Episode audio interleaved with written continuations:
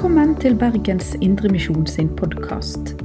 For mer informasjon om oss, besøk oss på betlehem.no, eller finn oss på Facebook og Instagram der som Bergens Indremisjon.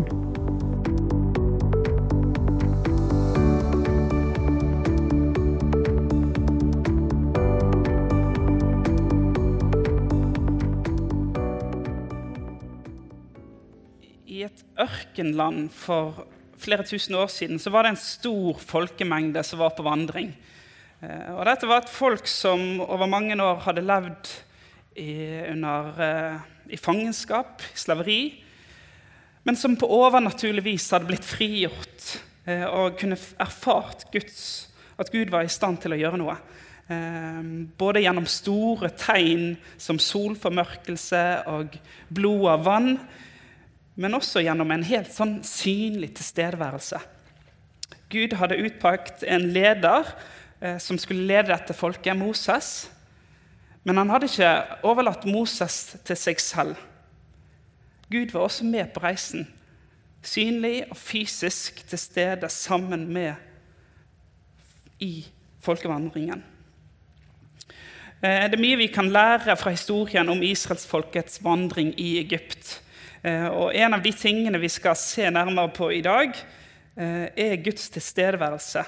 Hvilken betydning det kan ha for oss, og hvilken betydning nødvendigvis heller ikke trenger å få for oss mennesker. Før vi fortsetter, så skal vi reise oss for å høre Guds ord. Og Vi skal lese søndagens tekst, som er hentet fra evangeliet etter Lukas, kapittel 21, vers 27-36. Lukas 21, 27-36. Og vi leser i Jesu navn. Da skal de se menneskesønnen komme i skyen med stor makt og herlighet. Men når dette begynner å skje, da rett dere opp og løft hodet, for da skal dere snart bli satt fri. Han fortalte dem en lignelse. Se på fikentreet og alle andre trær. Når dere ser at de springer ut, vet dere at dere selv at nå er sommeren nær.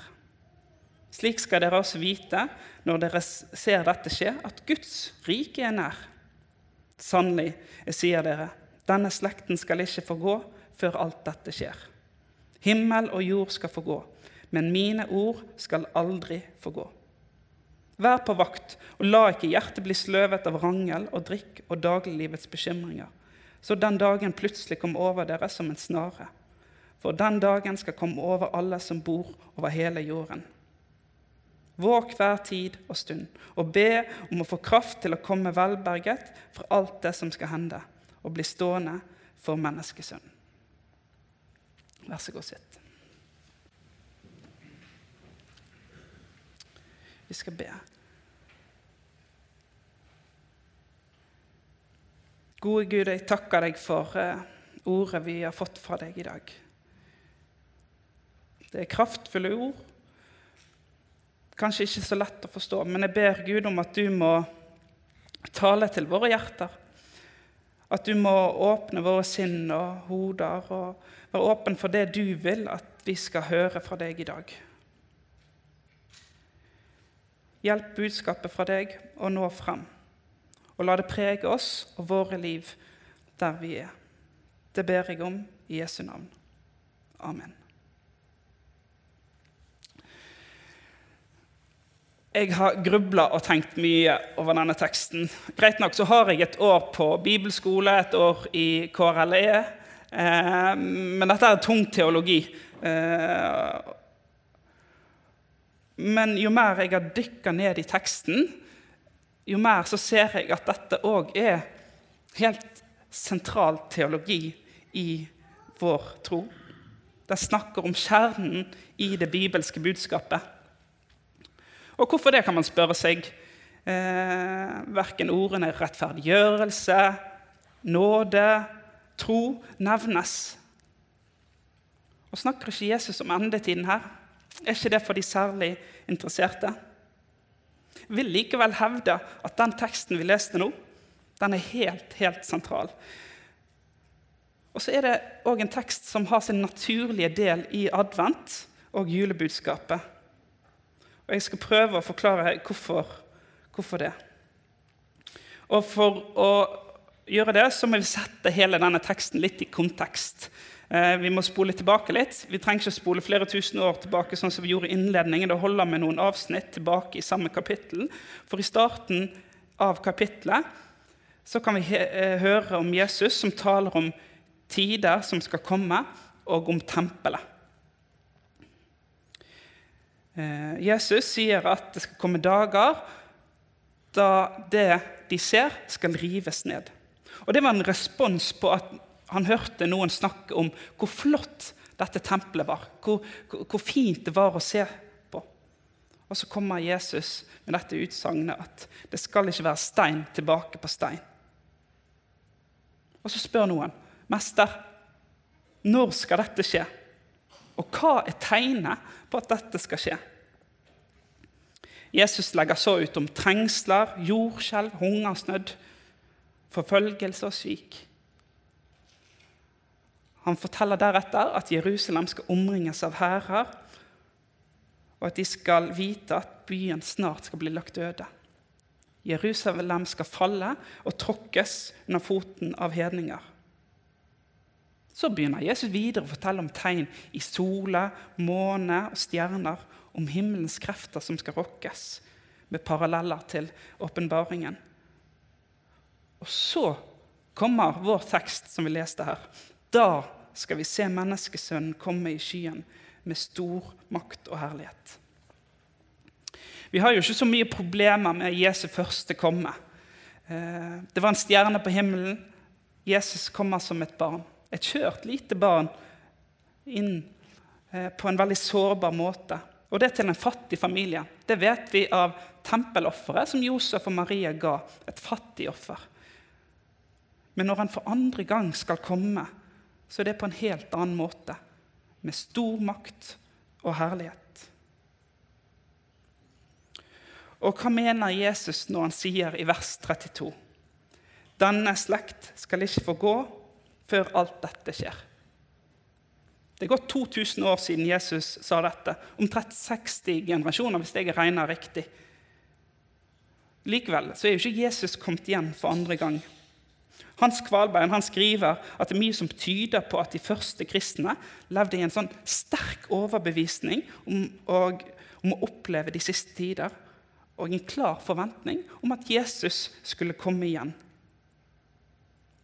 Og Jesus er jo både tydelig, men samtidig vag. Det er en slags tvetydighet i det han sier om sin gjenkomst. Og Det er kanskje ikke alltid like lett å vite hva som menes. Og akkurat dette, eh, dette verset finnes det ulike tolkninger for. Jeg vil trekke frem kanskje de tre mest vanlige. Da. Nummer én Jesus han var en stor mann. Men Jesus må tolkes i den konteksten han er i. Eh, og I dette tilfellet så bommet Jesus på prognosen sin. Han kom jo ikke i deres levetid. Den andre fremgangsmåten er å lese dette mer sånn symbolsk. Forstå det som en måte at Jesu lære og ånd vil komme igjen i deres levetid. Og vi vet jo at Den hellige ånd kom til disiplene ikke altfor lenge etter.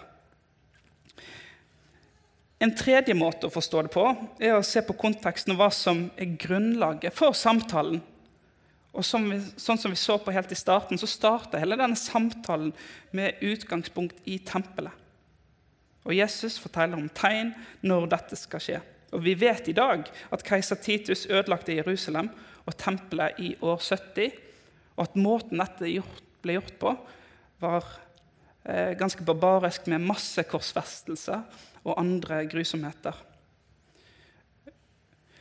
På samme tid kan vi ikke unngå å forstå at Jesus også taler om sin gjenkomst, om en tid som skal komme også for oss. Og I Markus 21, 27, som er en parallell til dagens tekst Vi har paralleller både i Markus og Matteus.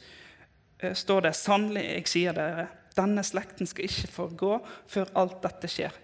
Himmel og jord skal få gå, men mine ord skal aldri få gå. Men den dagen eller timen kjenner ingen, ikke englene i himmelen og heller ikke Sønnen, bare Faderen.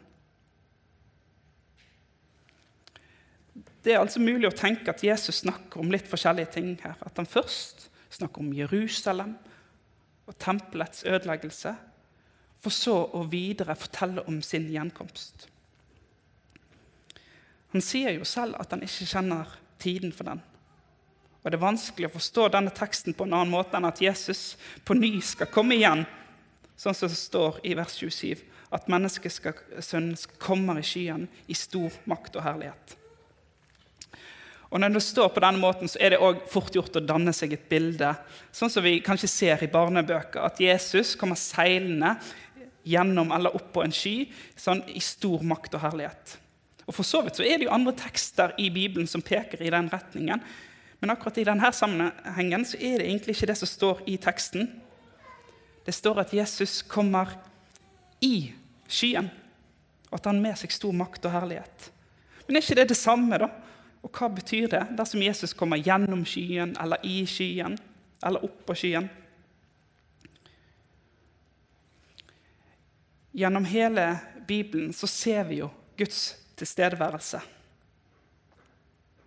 Og en av de måtene som særlig peker seg ut, er jo israelsfolket i Egypt. Guds tilstedeværelse gjør store ting. Vi ser Gud når han møter Moses i den brennende busken. Vi, ser, vi opplever Gud når, eh, når han gjør tydelige tegn for faro. Og vi ser Gud når han frigjør israelsfolket fra undertrykkelse. Og hva var det denne tilstedeværelsen så ut som? På dagtid en sky, og på nattestid en ildsøyle. Og Det er til og med et eget hebraisk ord for denne skyen. Shekaine, den herlige skyen. I Lukas 20 leser vi en gang spurte farseren Jesus når Guds rike skulle komme. Han svarte Guds rike kommer ikke på en måte slik at en kan se det med, det med øynene. Ingen vil kunne si 'Se, her er det', eller 'Der er det', for Guds rike er midt iblant dere. Og Når vi i Lukas 21, 27 leser om Jesus, så står det at han skal komme i skyen med makt og herlighet. Jesus kommer med herlighetsskyen, shikaine. Og Jesus skal på nytt skape et rike, et paradis, med Guds herlighet og makt til stede. Slutt på død, fattigdom, urett, vold, sykdom, alt ondt. Det nye Jerusalem skal avløse verden. Og hvordan ser dette ut? Første Mosebok, kapittel 1, 2 og 3. Paradis. Og hvorfor er Edens hage paradis? Jo, fordi Gud er til stede. Når vi leser om Edens hage i Bibelen, så minner det på mange måter om et tempel. Det er et sterkt tempelspråk. Guds rike på jord. Gud er til stede. Det er ikke noe ondt, ødelagt, trist. Og mest av alt, Gud er sammen med skaperverket. Og når Adam og Eva bestemte seg for å være herre i egne liv, så ble verden en plass med urett, død, synd og smerte. For Guds tilstedeværelse var ikke der på samme måte. Og når Jesus roper fra korset, 'Min Gud, min Gud, hvorfor har du forlatt meg?' så sier det oss hvor viktig det er at Gud er nær oss. Og Guds rike, jo, hva er det? Jo, det er paradis. Det er der skaperverket møter Gud, der de er forent tempelet der himmel og jord møtes. Skapverket møter Gud. Og Dette tempelet det ble brutt ned med syndefall, og kanskje er det nettopp derfor Jesus snakker om sin gjenkomst når han ble spurt om tempelets ødeleggelse. For tempelet er jo et sted der Gud og mennesker møtes. Og Jesus, han, gjenkomst, han er fullendelsen av dette. Og Når Jesus sier at Guds rike er nær, så sier han at det som var i Edens hage, på nytt skal komme. Med Jesus så kom Gud nær, ble kjøtt og blod. Jesus er det nye tempelet, det nye nærværet. Og gjennom Den hellige ånd så er vi òg blitt en del av det nye tempelet, det nye Guds rike. Eh, for skaperverket det ble skapt som et tempel, en plass der vi og Gud kunne være sammen. Der vi kunne møtes med Skaperen. og Jesu første komme gjør dette mulig. For Jesus snakker mye om Guds rike og bruker ulike bilder. Eh, at det er inni dere, at det er kommet nær. Og så ber, ber vi jo i Fader vår òg om at Guds rike må komme. At det må skje her på jorden. Men felles for alle disse bildene er at de snakker om den samme historien. Om at Gud strakte ut sin hånd til verden for å gjenopprette det som var brutt, for å forene. Og Samtidig så er det jo mer i vente. Vi har mer i vente. Eh, selv om Jesus er kommet igjen, eller kommet for første gang, så venter vi fortsatt på noe mer, på hans eh, endelige komme på paradis. Et oppgjør med alt vondt. Når skal dette skje? Det er nært. Jesus sier vi skal se på fikentreet. Og I Israel så hadde man mange vekster. De fleste eh, hadde grønne blader gjennom hele året. Eh, men fiken, eh, fikentreet de visna om vinteren, sånn som vi kjenner løvtrærne her i Norge. Og så når det ble vår igjen, så fikk det friske blader. Og da var det sommer. Og Jesus sier på samme måte at som de tegnene han viser til, så at de varsler varsler at Guds rike er nær, så varsler òg fikentreet sommer. Og her sier Jesus noe elementært viktig. Tror vi på hele evangeliet, så får det følger for livene våre. Og Jesus ber oss om å være årvåkne og ikke sløve, og være beredt klar for at han skal komme, og leve våre liv deretter. C.S. Lewis han, han har skrevet mye. Og han har skrevet et essay som heter 'Verdens siste natt'. Og Der utfordrer han leseren til å leve et liv som om verdens ende er i dag. For vi vet jo ikke når Jesus kommer igjen. Han kan komme igjen i løpet av denne talen, i løpet av denne gudstjenesten. Og Louis konkluderer og antyder at vi bør leve vårt liv og vårt kall og et arbeid med en forståelse om at en dag kommer det et oppgjør, en dom. Når en vakt står på muren, så vet han aldri når fienden angriper, eller når offiseren har kontroll. Når en student leser til eksamen, så vet ikke studenten hvilken, av, eh, hvilken del av pensum eksamen blir. Men en må forberede seg på alt. På samme måte så må vi være forberedt på at dagen kan komme når som helst. Vær klar. Og og Gjennom dette her så advarer jo også Jesus om en tilnærming at vi skal ta vårt oppgjør med Gud på dødsleiet. For vi vet jo ikke når.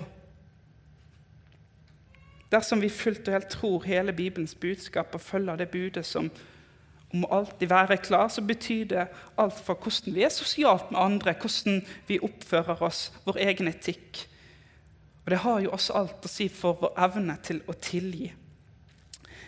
Den amerikanske pastoren Timothy Keller, som døde i mai i år, forteller i en av sine taler om hvordan han ofte brukte Jesus' gjenkomst i samtaler og sjelesorg med mennesker. Han sier videre når noen gjør en urett mot deg, eh, så, så skjer det noe automatisk inni, inni oss. Vi springer fram til verdens dommerstol, og så setter oss på den. Vi tar plass. Men er det egentlig ikke Gud som sitter der? Jo, på et vis er det det. Men frem til Jesus har kommet igjen, så sitter han der ikke ennå. Og det merker vi. Vi merker at denne, dette dommersetet det er tomt. For det skjer urett. Det skjer urett i Ukraina, i Midtøsten. Vi merker det òg i våre egne liv, store og små ting. Og vi opplever på veldig mange måter at dette dommersetet dette er ledig. Når vårt syndige hjerte leder oss til å sitte på dette dommersetet. Og så når noen gjør noe vondt mot oss, så vet vi jo med en gang hva de fortjener. Ikke bare vet vi det. Vi har òg et ønske om at de skal få som fortjent. Vi heier på Våre syndige hjerter heier på at de skal få sånn som de fortjener pga. den uretten de har gjort. Og det skal utrolig mye makt til for å forhindre oss i å sette på det, det dommersetet. Eh, og det er jo gift for oss, dette her. For det setet og den tronen den er altfor stor for våre liv. Som Ivar Aasen skriver, det er mange òg som vil doma være, og le åt alt som de andre gjør, og lyte finner de rundt ikring, og sjølve gjør de ingenting. Det kreves kraftig lut for å ikke løpe og sitte på denne tronen. Men læren om Jesu gjenkomst lærer oss nettopp dette. At Gud en gang skal komme igjen. At han skal sette seg på tronen og gjøre alt det som er galt, rett igjen. Dermed er det ikke behov for at vi i mellomtiden for en kort stund klatrer opp eh, og feller en midlertidig dom. For vi vet at Gud en dag skal felle en dom. Og hvor frigjørende er egentlig ikke det? Å vite det at vi skal slippe å være på dette dommersetet over verden og overlate dommen til Gud. For Jesus sier selv når han kommer i skyen, da skal vi bli satt fri. Da kan vi rette oss opp, løfte hodene, slik det står i vers 28. Misjonssambandet de har en podkast som heter Ottosen og Hovland, det er vel Hovland og Ottosen heter, som, som jeg gjerne anbefaler. Og I en av de første episodene så eh, tar de for seg ordet 'fornærmet'. Eller det, eh, det konseptet å bli fornærmet. Og Harald Hovland eh, han har en påstand om at det er en synd mot Gud å bli fornærmet. Han begrunner det med stolthet. Hvor er det vi har vår dypeste identitet og selvbilde? Dersom vi har vårt selvbilde, vårt dypeste selvbilde, i at vi er skapt av Gud, elsket av ham, at Jesus har dødd for deg, at alt er fullbrakt, at det er grunnholdningen i livet, så skal det mye til for å bli fornærmet. Så er det kanskje lettere sagt og gjort, og Hovland forsøkte å ikke bli krenka eller fornærma i en periode, og sier selv at det var overraskende vanskelig å ikke bli fornærmet. For dersom han opplever at selvbildet ikke stemmer overens med det andre påpeker, så er det så lett at det får en ripe i stoltheten, at den stoltheten blir krenka. Og etter å ha hørt den podkasten selv, så forsøkte jeg da, jeg må si selv at det stemmer. Det er vanskelig å aldri bli fornærmet. I Salmos ordspråk så står det Ser du en mann som er vis i egne øyne, det er større håp for dåren enn ham. Og I teksten så leste vi om Jesus som ba disiplene være på vakt og la ikke hjertet bli sløv av rangel og drikk og dagliglivets bekymringer, så den dagen plutselig kommer over dere som en snare. For den dagen skal komme over alle som bor over hele jorden. Og De fleste av oss opplever jo å bli tynga av dagliglivets eh, bekymringer. Og da er jo utfordringen tilbake hvor er det vi har vårt selvbilde, hvor er det vi har vår stolthet. Denne uken så fikk jeg bladet Fjell og vidde. Det er kanskje flere som er medlemmer i Turistforeningen. Eh, og I en av sakene så står det om nordmenns forbruk av sportsutstyr. Hvert år bruker vi nordmenn i snitt 5000 kroner på sport- og friluftsutstyr i året. Og Terje Børsum Gaustad ved Handelshøyskolen BI mener at årsaken til at vi kjøper så mye nytt utstyr som vi eier selv, i stedet for å leie, er at gjenstanden blir en del av identiteten vår, hvem vi ønsker å være. Det skapes en psykologisk kobling mellom tingen og celle. Tingen blir en del av den du er. Og Dersom noen stikker i selvbildet, så er det så lett å bli fornærma. Og da er det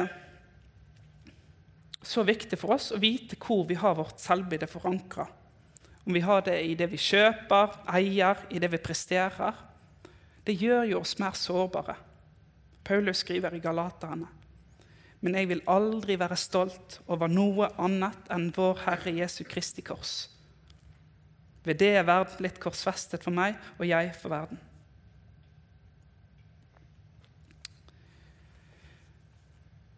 Jeg har lyst til å ta dere med over Atlanterhavet, til Harvard Business School. For et par år siden, det er ikke, det er ikke så, så, lenge siden, så var det to studenter ved Harvard som tok en MBA, altså Master of Business Administration. John Cortons og Greg Baumer. Eh, det var to gutter som hadde jobba godt med skole og studier, og som begge hadde sikra seg svært gode jobber. Og I begynnelsen av 20-årene så jobbet John, John, for oljeselskapet Chevron og tjente halvannen million i året. Men tok en MBA for å få en jobb som sikra en opp mot fire millioner kroner i året. Greg jobbet i et aktivt eierfond og tjente nesten 3 millioner kroner i året som 26-åring. De har begge ulike, men svært godt betalte jobber og bestemte seg for å gå på Harvard Business School av ulike grunner. Og der møtes de. De har mye til felles. De, de, de, har jobb med god inntekt, de er begge kristne. De går i kirken, og så gir de begge tienden til kirken. Som ungdom John tydelig, hadde John tydelige fremtidsvisjoner. Han forteller at han som ungdom satte opp et regneark for å finne ut av hvordan han kunne komme best ut i livet. da. Så så han på alle typer utdanninger og jobber, og så ønsket han å finne den jobben som ga mest mulig penger for minst mulig arbeid. Så så han gjennom ulike jobber.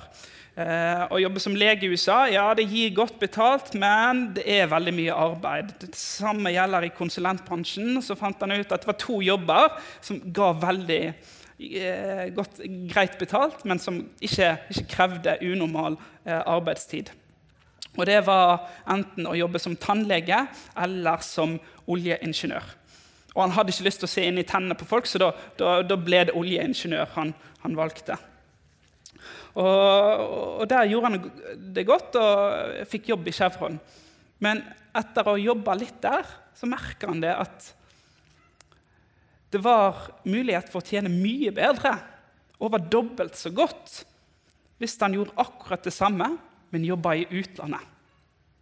Så det hadde han lyst til å gjøre. Så for å gjøre det så, så måtte han ta en MBA eh, ved, ved, Harvard. Og han kom gjennom nåløyet og alt det der og, i prosessen. da, eh, og, og eh, fikk tilbud om den jobben når han hadde tatt utdannelsen da, med, med en årslønn på opptil 4 millioner kroner. Eh, og hans mål i livet det var å skape et slags familiedynasti, sånn som Kennedy-familiene eller Bush-familiene. Og eh, pensjonere seg som 40-åring. Eh, skape dette dynastiet eh, for, for, seg og sin familie. Greg var egentlig litt den motsatte typen. Han var en typisk storforbruker. Eh, han, selv om han tjente 3 millioner kroner i året, så greide han å bruke alt det han tjente, med unntak av den tienden da han ga til menigheten, eh, i, i, løpet av året. Da. Så han hadde ikke så mye han sparte. Eh, eh, men, men, fant fort ut at de, som, de sjefene hans de kunne tjene eh, flere titalls eh, så mye som det han gjorde. Eh, at hvis han ville skikkelig bli super, superrik eh, blant de topp, topp, topp 0,1% i USA, så, så, måtte han ta en MBA og så få et nettverk og jobbe, jobbe der. Da. Og Derfor starta han på, på, på Harvard, da, eh, for, for, å bli sånn som sjefene sine. Og I det tredje semesteret så valgte de begge å ta et kurs ved Harvard Divinity School Eh, et eh, sånn valgfritt emne der da, som handler om Gud og penger. Og Så fikk de i oppgave å skrive en bokrapport, og Greg valgte boken. Han fant denne boken. da. 'Mener du at jeg ikke trenger å gi tienden?' Det er altså tittelen på boken. Han ble veldig begeistra for denne boken. Tenk her har han gitt tienden i alle år, og så kommer det en eh, teologiprofessor og skriver en bok at han ikke trenger å gi tienden. Så, så han bestemte seg for å gjøre en bokrapport på den, denne boken. Men begeistringen den var eh, midlertidig. Eh, for etter nærmere studier så, så, ble det faktisk litt mer komplisert. I, I, Bibelen kan vi jo lese om tienden, men det er ikke 10 i Bibelen. Det er 10 av grøden som en får, den skal en gi til tempelet. Og så 10% skal en gi til årlig, en årlig fest for fattige og levitter. Og hvert tredje år så skulle en gi 10% til en matsentral. Så faktisk i den bibelske tiden nærmere 23,3% enn 10% når man summerer opp de forskjellige tidene som ble praktisert. Men ser vi videre på de første kristne, så var det faktisk en ganske liten praksis av den tienden. da. Men vi ser snarere tvert imot en enorm sjenerøsitet i det man delte med hverandre, og i det man ga blant, uh, av det man eide. da. Og Dette så jo John og Greg, og bekymringen øker hos Greg for hva han skal gjøre med pengene. Og John også ble bekymra. Særlig John. Han hørte om Klemet fra Alexandria, som kritiserte enkelte kristne for å samle opp seg store formuer til familien og være lite sjenerøse. Og Så blir han utfordra av Lukas 12, der vi kan lese om den rike bonden som bygger en låve for å samle opp enda mer korn. Og, feller, og der det blir felt en dom over eh, denne bonden. Eh, og John kjenner jo seg litt igjen i disse to tilfellene. Og Dette faget på Harvard det får store følger for Greg og John. og De bestemmer seg for å undersøke alle tidligere studenter ved Harvard Divinity School og spør dem hva har dere i formue, hva har dere i inntekt, og hvor mye gir dere vekk? Og Overraskende så fant de at personer i akkurat samme situasjon som de, hadde et helt annet forhold til Gud og penger enn det de selv hadde. Noen skrev at de ga vekk halvparten av alt de tjente, mens andre skrev at de går på jobb hver dag og tjener så mye som mulig for å gi vekk så mye som mulig. Og Greg og John, som ville pensjonere seg, i fall John da, som 40-åring, får jo ikke dette her til å gå opp med det bildet som er i verden, eh, kontra det budskapet som vi leser i Bibelen. Og De undersøker nærmere og snakker med et ungt par fra California i 30-årene. Og De har sett for seg å pusse opp hjemmet sitt. Men i stedet så opplever de at Gud kaller de til å sette opp et fond i kirken på 1 million kroner som skulle gå til et barnehjem, og annet av kirkens aktiviteter. Og John og Greg sliter med å stå hvorfor de ikke i stedet betaler ned på huslånene eller setter det i fond så barna deres kan få en utdanning. For ulikt Norge så, så, er det jo helt nødvendig med å spare til utdanning for barna i USA. Det fins helt rasjonelle, gode grunner for å bruke pengene på andre måter. Og dette fikk de ikke til å gå opp. En annen tilbakemelding som de fikk fra en hedgefund-partner som tjente flere titalls millioner kroner i året. Han var svært bevisst på å ikke bygge egen formue, på å begrunne det med at Bibelen advarte mot det. I stedet så sa han at han hadde utrolig stor glede av å gi vekk penger, og at han år for år ikke økte sin formue. I stedet for å spare til seg selv og familien så kjøpte denne hedgeforvalteren eh, forsikringer som sikret han og familien dersom noe skulle gå galt, enten sykdom, uføre eller arbeidsledighet. Og så kunne han gi vekk alt han tjente, med unntak av en liten andel som han sparte til pensjon. Han valgte å bruke 30 år på å spare til pensjon, for, selv om han kunne brukt tre måneder med den inntekten han hadde. Så velger han å, bruke, øh, å, å, kun sette av en liten andel hver måned eh, til pensjon. Og Dette her, det snur helt opp ned på John og Greg sitt liv, og de merker at gleden disse har, gleden i møter med disse menneskene som, som er gavmilde, gjør at de selv får lyst til å gi. Og de går fra å se på Guds 10 %-andel av pengene som et medlemskapskostnad til kirken, til å ha en radikal tilnærming til egen penger, formue, og ikke minst hva de jobber med. Dere kan lese hele historien til John og Greg i God and Money How We Discovered True Riches at Harvard Business School. Jesus han sier i Matteus 6.: Dere skal ikke samle dere skatter på jorden hvor møll og mørk ødelegger hvor tyver bryter inn og stjeler. Men dere skal samle dere skatter i himmelen, der verken møll eller mark ødelegger og tyver ikke bryter inn og stjeler. For der skatten din er, der vil også hjertet ditt være.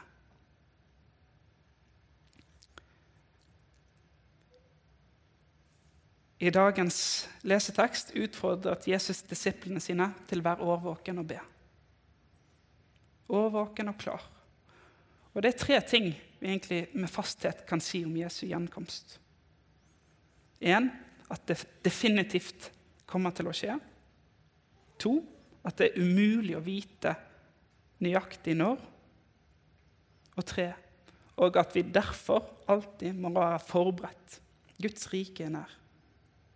Samtidig så er det også deler av Guds rike som er kommet til verden. Gud har tatt bolig blant oss.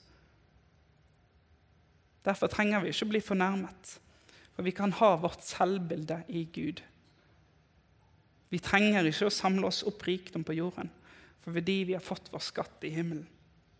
Og her på jorden, her, vil, her, her har Gud sørget for oss, og det vil han fortsette å gjøre.